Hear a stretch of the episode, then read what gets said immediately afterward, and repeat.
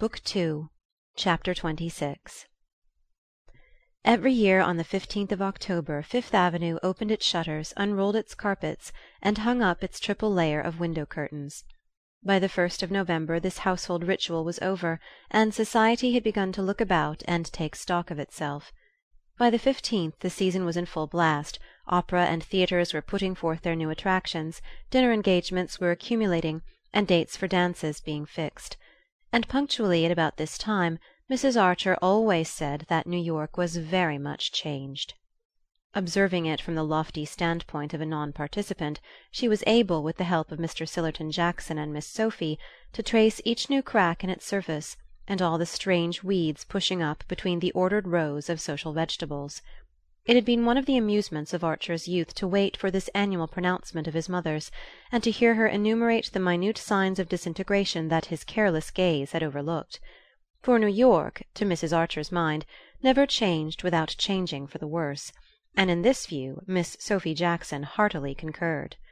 Mr. Sillerton Jackson, as became a man of the world, suspended his judgment and listened with an amused impartiality to the lamentations of the ladies but even he never denied that New York had changed, and Newland Archer, in the winter of the second year of his marriage, was himself obliged to admit that if it had not actually changed it certainly was changing. These points had been raised as usual at Mrs. Archer's Thanksgiving dinner. At the date when she was officially enjoined to give thanks for the blessings of the year it was her habit to take a mournful though not embittered stock of her world and wonder what there was to be thankful for. At any rate not the state of society. Society, if it could be said to exist, was rather a spectacle on which to call down biblical imprecations; and in fact every one knew what the Reverend Dr. Ashmore meant when he chose a text from Jeremiah (chapter ii. verse 25) for his Thanksgiving sermon. Dr. Ashmore, the new rector of St. Matthew's, had been chosen because he was very "advanced"; his sermons were considered bold in thought and novel in language. When he fulminated against fashionable society he always spoke of its "trend"; and to Mrs. Archer it was terrifying and yet fascinating to feel herself part of a community that was trending. "There is no doubt that Dr. Ashmore is right. There is a marked trend," she said, as if it were something visible and measurable, like a crack in a house. "It was odd, though, to preach about it on Thanksgiving," Miss Jackson opened; and her hostess dryly rejoined. "Oh, he means us to give thanks for what's left." Archer had been wont to smile at these annual vaticinations of his mother's, but this year even he was obliged to acknowledge as he listened to an enumeration of the changes that the trend was visible. "The extravagance in dress!" Miss Jackson began. "Sillerton took me to the first night of the opera, and I can only tell you that Jane Merry's dress was the only one I recognized from last year and even that had had the front panel changed. Yet I know she got it out from Worth only two years ago, because my seamstress always goes in to make over her Paris dresses before she wears them." "Ah, Jane Merry is one of us," said Mrs. Archer, sighing, as if it were not such an enviable thing to be in an age when ladies were beginning to flaunt abroad their Paris dresses as soon as they were out of the custom house, instead of letting them mellow under lock and key, in the manner of Mrs. Archer's contemporaries. "Yes, she's one of the few. In my youth," Miss Jackson rejoined, "it was considered vulgar to dress in the newest fashions; and Amy Sillerton has always told me that in Boston the rule was to put away one's Paris dresses for two years. Old Mrs. Baxter Pennilow, who did everything handsomely, used to import twelve a year, two velvet, two satin, two silk, and the other six of poplin and the finest cashmere. It was a standing order, and as she was ill for two years before she died they found forty eight Worth dresses that had never been taken out of tissue paper, and when the girls left off their mourning they were able to wear the first lot at the Symphony concerts without looking in advance of the fashion. Ah well, Boston is more conservative than New York, but I always think it's a safe rule for a lady to lay aside her French dresses for one season," Mrs. Archer conceded. It was Beaufort who started the new fashion by making his wife clap her new clothes on her back as soon as they arrived. I must say at times it takes all Regina's distinction not to look like like Miss Jackson glanced around the table, caught Janey's bulging gaze, and took refuge in an unintelligible murmur. "Like her rivals," said Mr. Sillerton Jackson, with the air of producing an epigram. "Oh!" the ladies murmured; and Mrs. Archer added, partly to distract her daughter's attention from forbidden topics: "Poor Regina! Her Thanksgiving hasn't been a very cheerful one, I'm afraid. Have you heard the rumors about Beaufort's speculation, Sillerton?" Mr. Jackson nodded carelessly. Everyone had heard the rumors in question, and he scorned to confirm a tale that was already common property. A gloomy silence fell upon the party. No one really liked Beaufort, and it was not wholly unpleasant to think the worst of his private life; but the idea of his having brought financial dishonor on his wife's family was too shocking to be enjoyed even by his enemies. Archer's New York tolerated hypocrisy in private relations, but in business matters it exacted a limpid and impeccable honesty. It was a long time since any well known banker had failed discreditably, but every one remembered the social extinction visited on the heads of the firm when the last event of this kind had happened. It would be the same with the Beauforts, in spite of his power and her popularity; not all the leagued strength of the Dallas connection would save poor Regina if there were any truth in the reports of her husband's unlawful speculations. The talk took refuge in less ominous topics, but everything they touched on seemed to confirm Mrs. Archer's sense of an accelerated trend. "Of course, Newland, I know you let dear May go to Mrs. Struthers's Sunday evenings," she began; and May interposed gaily. "Oh, you know, everybody goes to Mrs. Struthers's now, and she was invited to granny's last reception." It was thus, Archer reflected, that New York managed its transitions, conspiring to ignore them till they were well over, and then in all good faith imagining that they had taken place in a preceding age. There was always a traitor in the citadel, and after he, or generally she, had surrendered the keys, what was the use of pretending that it was impregnable? Once people had tasted of Mrs. Struthers's easy Sunday hospitality they were not likely to sit at home remembering that her champagne was transmuted shoe polish. "I know, dear, I know," Mrs. Archer sighed. "Such things have to be, I suppose, as long as amusement is what people go out for. But I've never quite forgiven your cousin Madame Olenska for being the first person to countenance Mrs. Struthers." A sudden blush rose to young Mrs. Archer's face; it surprised her husband as much as the other guests about the table. "Oh, Ellen!" she murmured, much in the same accusing and yet deprecating tone in which her parents might have said, "Oh, the Blenkers!" It was the note which the family had taken to sounding on the mention of the Countess Olenska's name, since she had surprised and inconvenienced them by remaining obdurate to her husband's advances; but on May's lips it gave food for thought and Archer looked at her with the sense of strangeness that sometimes came over him when she was most in the tone of her environment. His mother, with less of her usual sensitiveness to atmosphere, still insisted: "I've always thought that people like the Countess Olenska, who have lived in aristocratic societies, ought to help us to keep up our social distinctions, instead of ignoring them." May's blush remained permanently vivid; it seemed to have a significance beyond that implied by the recognition of Madame Olenska's social bad faith. "I've no doubt we all seem alike to foreigners," said Miss Jackson tartly. "I don't think Ellen cares for society, but nobody knows exactly what she does care for," May continued, as if she had been groping for something non committal. "Ah, well," Mrs. Archer sighed again. Everybody knew that the Countess Olenska was no longer in the good graces of her family. Even her devoted champion, old Mrs. Manson Mingott, had been unable to defend her refusal to return to her husband. The Mingotts had not proclaimed their disapproval aloud; their sense of solidarity was too strong. They had simply, as Mrs. Welland said, "let poor Ellen find her own level." And that, mortifyingly and incomprehensibly, was in the dim depths where the Blenkers prevailed, and people who wrote celebrated their untidy rites. It was incredible, but it was a fact, that Ellen, in spite of all her opportunities and her privileges, had become simply Bohemian. The fact enforced the contention that she had made a fatal mistake in not returning to Count Olenski. After all, a young woman's place was under her husband's roof, especially when she had left it in circumstances that well, if one had cared to look into them "Madame Olenska is a great favourite with the gentlemen," said Miss Sophy with her air of wishing to put forth something conciliatory when she knew that she was planting a dart.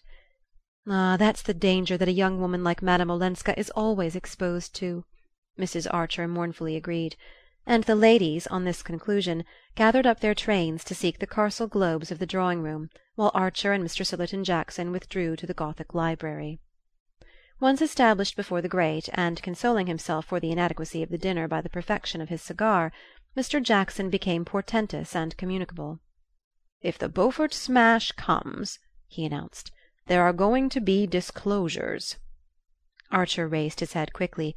He could never hear the name without the sharp vision of Beaufort's heavy figure, opulently furred and shod, advancing through the snow at Skuytercliff.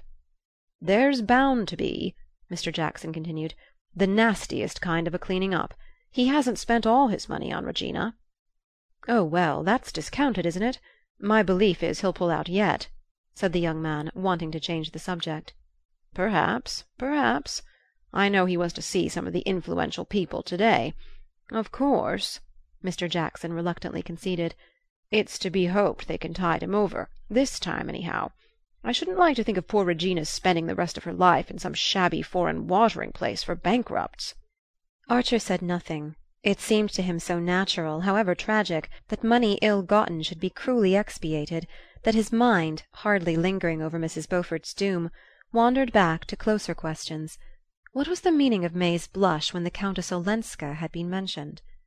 Four months had passed since the midsummer day that he and Madame Olenska had spent together, and since then he had not seen her. He knew that she had returned to Washington, to the little house which she and Medora Manson had taken there. He had written to her once a few words, asking when they were to meet again, and she had even more briefly replied, "Not yet." Since then there had been no farther communication between them, and he had built up within himself a kind of sanctuary in which he throned among his secret thoughts and longings. Little by little it became the scene of his real life, of his only rational activities. Thither he brought the books he read, the ideas and feelings which nourished him, his judgments and his visions. Outside it, in the scene of his actual life he moved with a growing sense of unreality and insufficiency, blundering against familiar prejudices and traditional points of view as an absent-minded man goes on bumping into the furniture of his own room. Absent that was what he was so absent from everything most densely real and near to those about him that it sometimes startled him to find they still imagined he was there. He became aware that Mr. Jackson was clearing his throat preparatory to farther revelations. I don't know, of course, how far your wife's family are aware of what people say about well, about Madame Olenska's refusal to accept her husband's latest offer." Archer was silent, and Mr. Jackson obliquely continued: "It's a pity it's certainly a pity that she refused it." "A pity? In God's name, why?" Mr. Jackson looked down his leg to the unwrinkled sock that joined it to a glossy pump. "Well to put it on the lowest ground, what's she going to live on now?" "Now?" "If Beaufort Archer sprang up, his fist banging down on the black walnut edge of the writing table. The wells of the brass double inkstand danced in their sockets. "What the devil do you mean, sir?" Mr. Jackson, shifting himself slightly in his chair, turned a tranquil gaze on the young man's burning face. "Well, I have it on pretty good authority in fact on old Catherine's herself, that the family reduced Countess Olenska's allowance considerably when she definitely refused to go back to her husband; and as, by this refusal, she also forfeits the money settled on her when she married, which Olenski was ready to make over to her if she returned why, what the devil do you mean, my dear boy, by asking me what I mean?" Mr. Jackson good-humouredly retorted. Archer moved toward the mantelpiece and bent over to knock his ashes into the grate. I don't know anything of Madame Olenska's private affairs, but I don't need to, to be certain that what you insinuate "Oh, I don't. It's Lefferts, for one," Mr. Jackson interposed. "Lefferts, who made love to her and got snubbed for it!" Archer broke out contemptuously. "Ah, did he?" snapped the other, as if this were exactly the fact he had been laying a trap for. He still sat sideways from the fire so that his hard old gaze held Archer's face as if in a spring of steel. "Well, well, it's a pity she didn't go back before Beaufort's cropper," he repeated. "If she goes now, and if he fails, it will only confirm the general impression which isn't by any means peculiar to Lefferts, by the way." "Oh, she won't go back now less than ever!" Archer had no sooner said it than he had once more the feeling that it was exactly what Mr. Jackson had been waiting for. The old gentleman considered him attentively. "That's your opinion, eh? Well, no doubt you know; but everybody will tell you that the few pennies Medora Manson has left are all in Beaufort's hands; and how the two women are to keep their heads above water unless he does I can't imagine. Of course Madame Olenska may still soften up old Catherine, who's been the most inexorably opposed to her staying, and old Catherine could make her any allowance she chooses; but we all know that she hates parting with good money, and the rest of the family have no particular interest in keeping Madame Olenska here." Archer was burning with unavailing wrath. He was exactly in the state when a man is sure to do something stupid, knowing all the while that he's doing it. He saw that Mr. Jackson had been instantly struck by the fact that Madame Olenska's differences with her grandmother and her other relations were not known to him, and that the old gentleman had drawn his own conclusions as to the reasons for Archer's exclusion from the family councils. This fact warned Archer to go warily, but the insinuations about Beaufort made him reckless. He was mindful, however, if not of his own danger, at least of the fact that Mr. Jackson was under his mother's roof, and consequently his guest. Old New York scrupulously observed the etiquette of hospitality, and no discussion with a guest was ever allowed to degenerate into a disagreement. "Shall we go up and join my mother?" he suggested curtly, as Mr. Jackson's last cone of ashes dropped into the brass ash tray at his elbow. On the drive homeward May remained oddly silent. Through the darkness he still felt her enveloped in her menacing blush. What its menace meant he could not guess but he was sufficiently warned by the fact that Madame Olenska's name had evoked it. They went upstairs, and he turned into the library. She usually followed him, but he heard her passing down the passage to her bedroom. "May!" he called out impatiently, and she came back with a slight glance of surprise at his tone. "This lamp is smoking again. I should think the servants might see that it's kept properly trimmed," he grumbled nervously. "I'm so sorry. It shan't happen again." She answered, in the firm bright tone she had learned from her mother, and it exasperated Archer to feel that she was already beginning to humour him like a younger Mr. Welland. She bent over to lower the wick, and as the light struck up on her white shoulders and the clear curves of her face he thought: "How young she is! For what endless years this life will have to go on!" He felt with a kind of horror his own strong youth and the bounding blood in his veins. "Look here," he said suddenly. I may have to go to Washington for a few days. Soon. Next week, perhaps." Her hand remained on the key of the lamp as she turned to him slowly. The heat from its flame had brought back a glow to her face, but it paled as she looked up. "On business?" she asked, in a tone which implied that there could be no other conceivable reason, and that she had put the question automatically, as if merely to finish his own sentence. "On business, naturally. There's a patent case coming up before the Supreme Court. He gave the name of the inventor, and went on furnishing details with all Lawrence Lefferts's practised glibness, while she listened attentively, saying at intervals: "Yes, I see." "The change will do you good," she said simply when he had finished. "And you must be sure to go and see Ellen," she added, looking him straight in the eyes with her cloudless smile, and speaking in the tone she might have employed in urging him not to neglect some irksome family duty. It was the only word that passed between them on the subject but in the code in which they had both been trained it meant "Of course you understand that I know all that people have been saying about Ellen, and heartily sympathize with my family in their effort to get her to return to her husband. I also know that, for some reason you have not chosen to tell me, you have advised her against this course, which all the older men of the family, as well as our grandmother, agree in approving and that it is owing to your encouragement that Ellen defies us all, and exposes herself to the kind of criticism of which Mr. Sillerton Jackson probably gave you, this evening, the hint that has made you so irritable. Hints have indeed not been wanting, but since you appear unwilling to take them from others, I offer you this one myself, in the only form in which well bred people of our kind can communicate unpleasant things to each other, by letting you understand that I know you mean to see Ellen when you are in Washington, and are perhaps going there expressly for that purpose and that since you are sure to see her, I wish you to do so with my full and explicit approval, and to take the opportunity of letting her know what the course of conduct you have encouraged her in is likely to lead to." Her hand was still on the key of the lamp when the last word of this mute message reached him. She turned the wick down, lifted off the globe, and breathed on the sulky flame. "They smell less if one blows them out," she explained, with her bright housekeeping air. On the threshold she turned and paused for his kiss.